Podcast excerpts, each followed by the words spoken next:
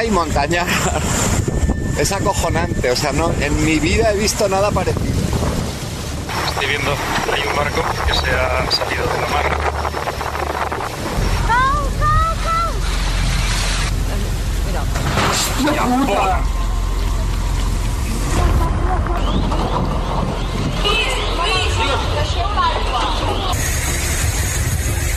La mar ja està inundant aquí un desastre, eh? Si això no és la solució, malament, eh? És a dir, que intentem de fer força tots perquè, si no, eh, el delta durarà quatre dies, eh?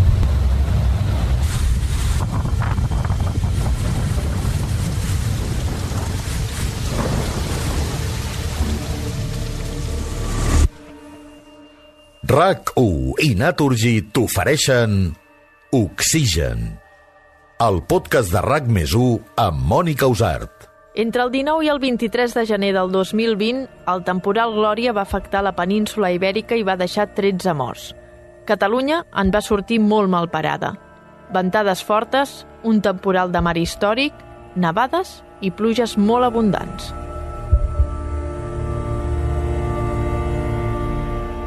En aquest episodi, el temporal Glòria. L'any 2020 començava amb una previsió del temps poc habitual per ser un mes de gener. Una gran borrasca, que es va batejar amb el nom de Glòria, arribava per portar gairebé 5 dies de neguit.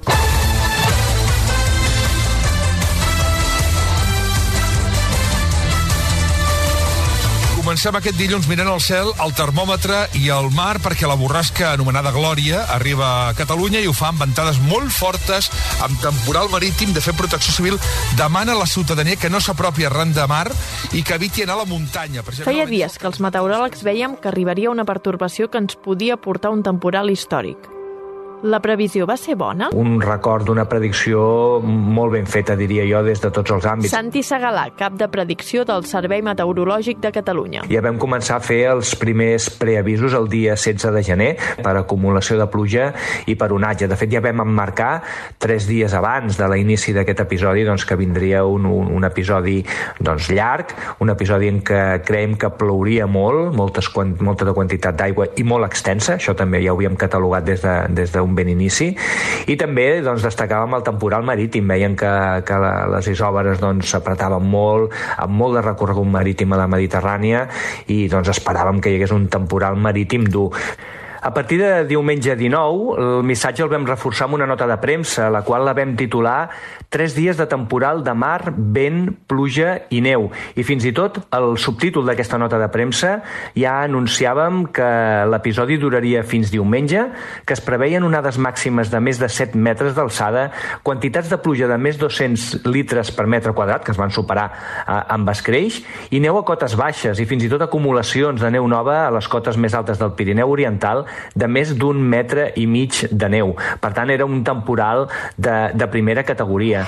A Catalunya estem acostumats a ventades, a temporals de mar, a pluges torrencials, a nevades, però el Glòria va destacar.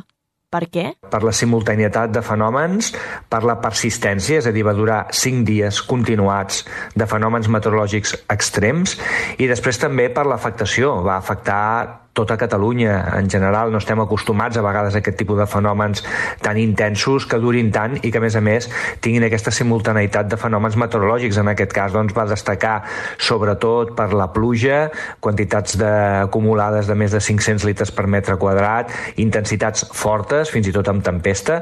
Després va haver-hi neu, que va començar doncs, amb neu a cotes baixes, i després el temporal de vent i onatge, que va ser molt destacat i malauradament va produir molts problemes en alguns sectors de la costa, com és el cas del, del Delta de l'Ebre. Un dels factors que subratlla el Santi és l'extensió, i és que gran part del país es va posar en alerta.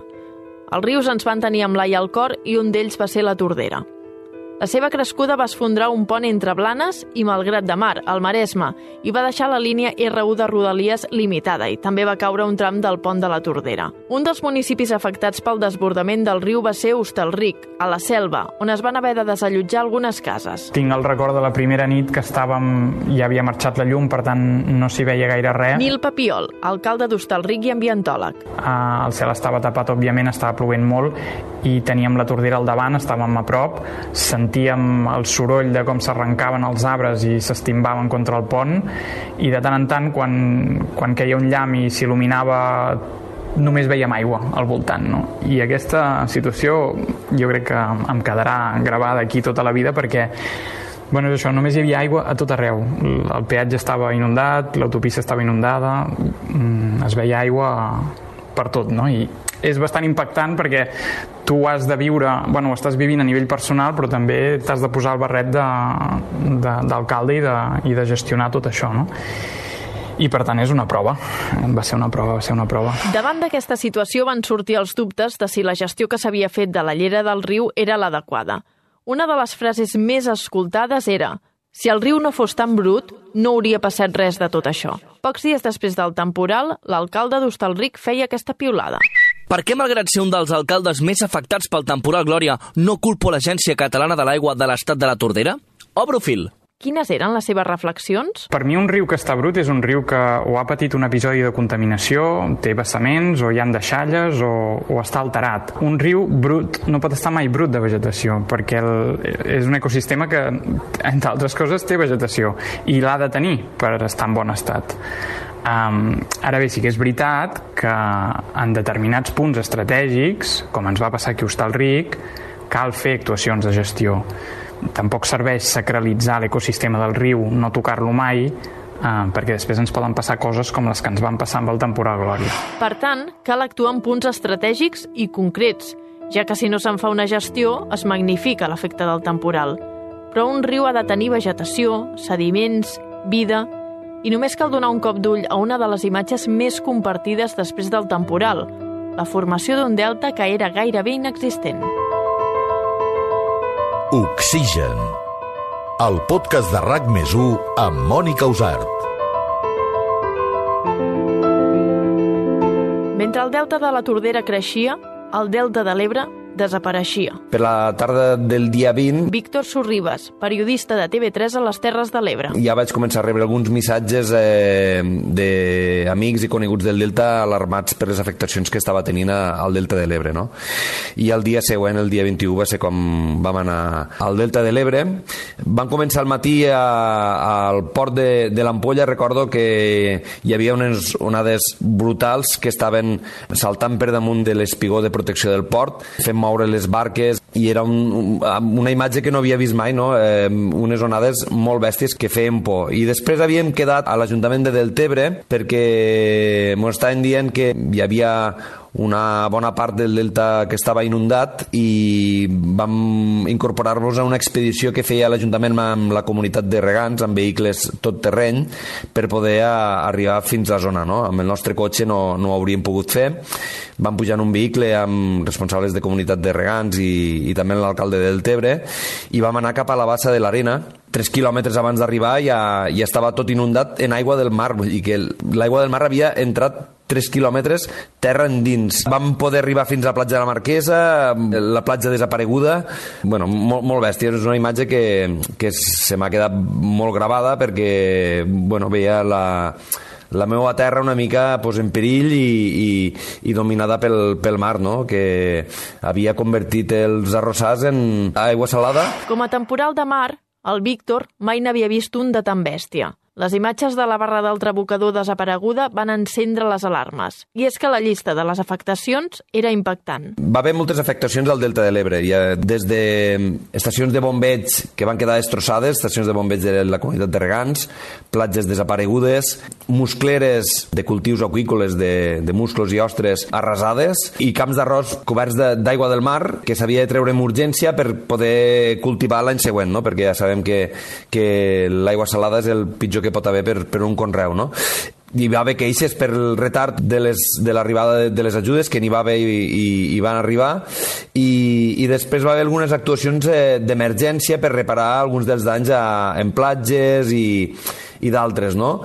Però queda pendent i és la crítica que constantment es fa des del Delta de l'Ebre, de les, des de les institucions i també des de, des de plataformes ciutadanes, una solució per tal de protegir el Delta per a futurs temporals, no? Què ha portat el delta fins aquí? És evident que la conseqüència del, de la regressió que s'està produint al delta Guillem Borés, representant de la propietat privada de l'illa de Buda. és conseqüència de, de la- de l'acció humana. És evident que sí, això no és un procés natural. O sigui, aquest pols que han mantingut el riu i el, i el mar durant molts anys, en el qual el riu era més capaç d'aportar sediments que, la mar d'erosionar-los, ara pues, s'ha tornat al, al, al, revés. Per què? Perquè els sediments queden detinguts als pantans i perquè el canvi climàtic ha fet que la mar encara ja era un enemic de per se, però ara ho és més encara, perquè amb el canvi climàtic, ja et dic, ha augmentat el nivell del mar, està augmentant, això ho notem nosaltres, sobretot des, del, des de l'any 2017, que ja dic que hi va haver un canvi un després en la manera d'expressar-se amb els temporals, són més freqüents, més devastadors, i això pues, fa que pràcticament pues, s'acceleri molt tot aquest procés mm, regressiu de la costa, en el, en el sentit de que parlem d'una emergència mediambiental, ho dic de veritat, eh? ahir que hi ha hagut, hi ha hagut, hi ha hagut un xoc de trens, Davant d'aquest escenari, quina solució es podria plantejar de cara al futur? Recuperar sediments dels pantans? Fer aportacions d'arena externes? El debat està obert. la deposició, per exemple, d'arenes a les platges, que és el que s'ha de fer en aquests moments. Nosaltres no demanem arena sobre arena, eh? demanem arena sobre aigua, el que volem nosaltres és fer treballar unes dragues marines que aprofiten tots els sediments retinguts als ponts del mar per donar a aquestes platges l'amplària que van tenir fa 70 anys, no? Per què? Perquè les platges, després de molts anys de cridar al desert i no fer cas a ningú, s'han anat, fent primes, s'han anat fent estretes, i ja no fan la seva funció mediambiental, i se'ls ha de tornar aquesta funció mediambiental, és la que ens, ens evita que hi hagi inundacions, que hi hagi trencaments, que hi hagi intrusió d'aigua marina. I això és possible, sí. Oxigen. El podcast de RAC més amb Mònica Usart. moments molt i molt difícils, molt complexos i que vaig patir molt. El que passa que a vegades tenir eines doncs, t'ajuda a sentir-te una mica més segur de que el que estàs fent eh, ho estàs fent bé. Eh, nosaltres teníem les eines de protecció civil necessàries eh, per abordar una situació tan difícil com la que vam viure. I això me va donar certament seguretat eh, de que les actuacions que estàvem fent estaven bé. La ciutat de Girona també va ser una de les més afectades. El control del nivell dels rius va ser clau perquè la població no corrés perill.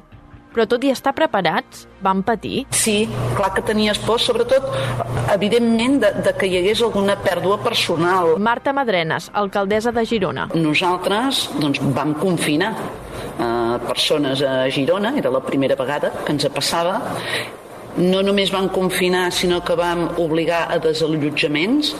Teníem preparat un mapa de tot Girona amb tots els possibles riscos en casos de desbordament, sobretot del Ter i de l'Unyà, i vam haver de requerir perquè mm, canviessin de, de lloc de domicili o anessin amb els veïns o els vam ajudar amb espais nosaltres o on no vam arribar telefònicament vam fer un porta a porta amb la policia per anar a assegurar que allà no hi hagués ningú vulnerable i també una cosa que no havíem vist mai, jo no havia vist mai com a alcaldessa, és que en les zones de més risc doncs vam utilitzar vehicles de la policia amb altaveus eh, donant missatges i normes de seguretat per tots els veïns que anaven parant a davant de cada edifici, un missatge de seguretat, de tranquil·lització, d'on posar-se en contacte si algú tenia dubtes i de què s'havia de fer exactament. No? El desbordament dels rius va obrir un altre debat.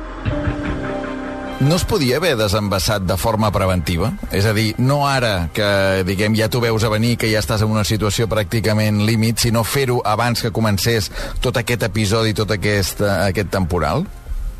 Són decisions molt delicades. Ningú sap mai què passarà els propers dies, ni se sap la violència amb la qual la pluja pot arribar a afectar en aquest àmbit. Estem parlant de pluges molt torrencials a l'àmbit de les guilleries, sumades a les pluges que hi ha hagut a la conca, per exemple, de, la selva, que ha portat el riu com l'Unyà, i, i és molt difícil saber la previsió exacta del que passarà. No? Jo penso que l'ACA en aquests moments ha actuat doncs, de forma molt raonable, de forma molt assenyada, eh, tenint en compte diferents possibilitats, i al final doncs, ha optat per aquesta possibilitat, que és desembassar en aquests moments en previsió de les pluges que puguin venir aquesta nit. Eh, cal dir que ha plogut molt en l'àmbit de Catalunya central, també rius com el Brugent, com la Riera Major, com, el, com la Riera d'Osó, com el Lleida. Això és el que responia Pons Feliu, director del Consorci del Ter als dies del temporal. I ara, Quin balanç se'n fa? La gestió dels embassaments és molt dificultosa. Santi Segalà. L'ACA té, té una feina eh, damunt de les seves espatlles que és d'una alta responsabilitat i que és molt difícil de gestionar. És una mica eh, intentar buscar l'equilibri entre eh, tenir una predicció meteorològica en què et diu que els embassaments es poden arribar a, a omplir i ells són els reguladors de que aquesta aigua doncs, eh, baixi riu avall i fins i tot no arribi a desbordar segons quins rius, amb l'equilibri de no doncs, despreciar aigua, perquè evidentment a vegades les prediccions meteorològiques doncs, eh, tenen aquesta inexactitud que fan doncs, que aquesta decisió sigui complicada. Per sort, entre el Servei Meteorològic de Catalunya i, i l'Agència Catalana de l'Aigua hi ha una entesa a nivell tècnic i a nivell de direcció molt, molt, molt estreta. Els professionals són molt bons i les decisions, tot i que són difícils, sempre s'intenten prendre eh, en la millor direcció possible. A Cànoves i Samalús, al Vallès Oriental, les pluges provocades pel temporal van portar un malson. Es van ensorrar tres cases i hi va haver danys greus en un quart habitatge. Tot va començar el dia 21 de gener del 2020. Sònia Jiménez, veïna de la zona quan amb l'aigua que ja, que ja feia uns dies de, de la borrasca Glòria se'n va endur un mur de roca d'un dels veïns de, del carrer de baix. I a partir d'aquí va continuar plovent tota la tarda. El meu marit em va trucar a la feina a les 5 de la tarda que ens estava entrant aigua a casa, a nosaltres particularment. Llavors automàticament vaig sortir a la feina, vaig anar a casa, estava entrant aigua per, per lo que eren les portes, el terra, per tot, per les parets. Eh, a partir d'aquí vam estar traient tota la tarda aigua fins a les 12 que va marxar la llum i ens van quedar traient aigua tota la nit amb frontals al cap. En això que va d'un momentet que entrava tanta aigua que vaig obrir una porta que dona a la part de darrere del jardí. I jo vaig començar a sentir uns sorolls molt forts. I el meu home, que estava dins de la cuina, Sergi, sento uns sorolls molt forts. Em dóna la sensació que la casa que se li ha caigut al mur aquesta tarda t'està caient. I el meu home em deia, no pot ser, Sònia, no, està plovent molt, però no pot ser, Sònia, no pot ser. El seu marit no es podia creure el que li deia la Sònia. A la quarta vegada vaig aconseguir que en aquell moment que sortís sentís el soroll. I llavors quan em va dir, sí, sí, tant, això s'està caient. Llavors vam trucar a emergència, els bombers van venir, van desalutjar els veïns, dos veïns de baix, i això és el que va passar, que ens vam... va sortir el sol i vam veure el desastre perquè durant tota la nit sentien el soroll, sentíem els moviments, però no sabien què estava passant va ser una nit molt angoixant. Jo el, el soroll del, de l'enderrocament de les cases no m'ho trec mai del cap. La muntanya s'està caient, la vessant està caient i em por que torni a passar i que aquesta vegada passi alguna algú. Dos anys després, 10 famílies encara esperen una solució. L'estabilització dels terrenys es valora en més d'un milió d'euros. Aquesta inversió seria necessària per aturar la caiguda de la muntanya. I estarà exactament igual, igual que fa dos anys, a nivell de solució al problema que és que la vessant s'està caient, continua erosionant-se i continua tot anant cap a baix. I envers els afectats estem treballant moltíssim, hem buscat advocats, hem buscat un equip tècnic liderat per un bon geòleg, un bon arquitecte, hem fet un estudi que entre uns quants veïns ens va costar més de 40.000 euros per saber què ha passat, per què ha passat allà i què hem de fer perquè no continua allò baixant, no? Per part de l'Ajuntament, poca cosa. Ens van recomanar de no viure una part, altres sí que van desalutjar perquè, perquè es van desalutjar els bombers aquella mateixa nit, altres és que han perdut la casa, ho han perdut tot. La veritat és que és una situació supercomplicada. Per l'estudi que hem fet nosaltres, determina que hi ha tres falles a la vessant que són paral·leles a la falla F7 que subministra aigua, aigua termal, a lo que és la Garriga i tot això, i hi ha una quantitat d'aigua a unes 7 metres de profunditat que és una passada. El dissabte 22 de gener del 2022, un operari va morir sepultat per una esllavissada. Treballava en una de les cases afectades pel Glòria.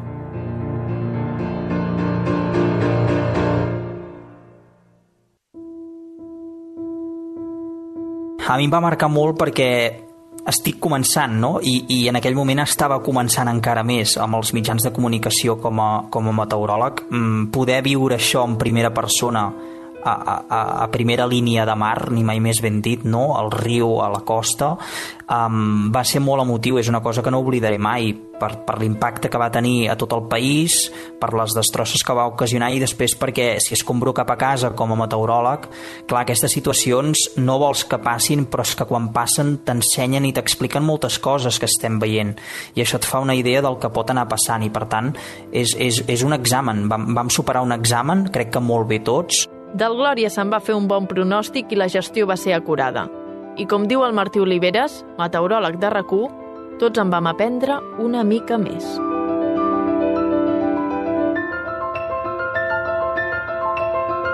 RAC1 i Naturgy t'han ofert Oxigen, el podcast de RAC més amb Mònica Usart i el muntatge d'Ivan Caral.